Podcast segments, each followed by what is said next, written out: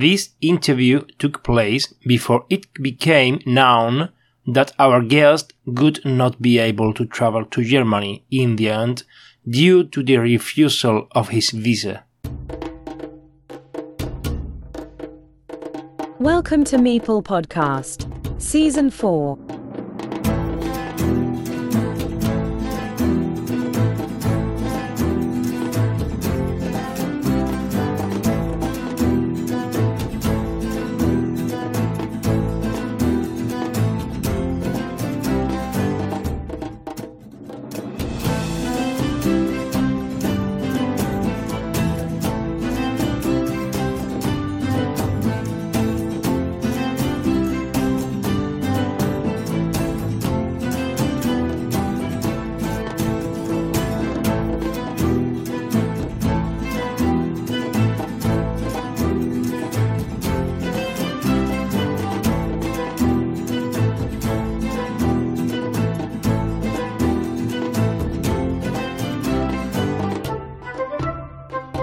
Today on Meeple Podcast, we have a very interesting interview with a player from Ukraine. He is the Ukrainian Carcassonne champion Anatoly Kravchenko, better known in BGA as Samuelsson. Welcome, Anatoly. Hi, guys. Unexpected, to be honest, but I'm happy to be here together with you today. Why Samuelsson and not Anatoly or Kravchenko? Oh, it's an interesting story. It can be considered as a random.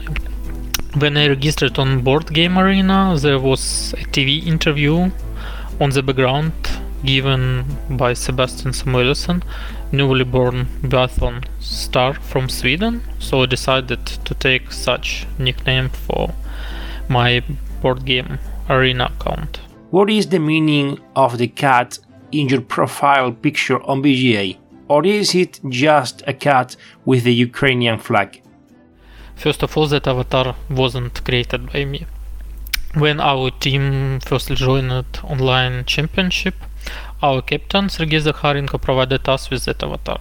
So if there hidden meaning exists, I have no idea about it. For me, just a cat with Ukrainian flag, and I'm really enjoying playing with this avatar. About your national championship, where did you play it? I want to point out that this year we had the really first national championship organized by Phil Indigo and we played it offline in Kiev. Fortunately, uh, that day there were no L alarms in the city, so we could play it without any interruptions, and it was really, really interesting experience. Tell us the road to victory, how you became champion of this 2023 edition, opponents, difficulties, anecdotes, etc., including the competition system used from the organization. I wouldn't say that the road to victory was an easy, but unfortunately, due to the war started from Russia, a lot of my team members from online championships didn't have a possibility to attend and even play in our qualifying tournaments. Before the final day, actual championship, yeah, we had the qualifying tournaments in different cities of Ukraine, such as Kiev, Dnipro, Odessa, Lviv, Chernivtsi. Winners and prize winners were invited to play in the final. Also, inside the final day, we had a qualifying round where each of us played five games, and based on a Swiss system, eight people qualified for the playoff. During this uh, qualifying round, I won three games out of five, and I thought it wouldn't be enough. But I finished at fifth place and then played in playoff. The harder ga- game for me was in the quarterfinal where my opponent Alexander Krasnykhya played fabulous game. Each of us scored equal points, but fortunately for me, Alexander started that game, so I was a winner. In the semi-final, I played against our captain, whom I lost in the qualification. Yeah, but this time I was a bit luckier than Sergey. He also played the game on a really high level without any noticeable mistakes. So I was a bit lucky. And during the final game, my opponent Maxim Matyushenko and and me. Maxim I also lost in the qualification. I think we were a bit exhausted and the game was kind of nervous. In the middle of the game, Maxim took a serious risk and decided to attack really, really huge city and played his last me- last meeple on, on it. So till the end, I used the fact that he didn't have a meeple and I earned a lot of easy points. What do you expect to find in Germany? To be honest, my expectation just to be in Germany physically, yeah, because due to the war. For traveling abroad, we need a temporary permit from the government, which I still don't have and have no idea will I receive it by the day when I need to travel or not. Also, I want to see in real life guys from Board Game Arena, whom I lost a lot of games, and talk to them personally.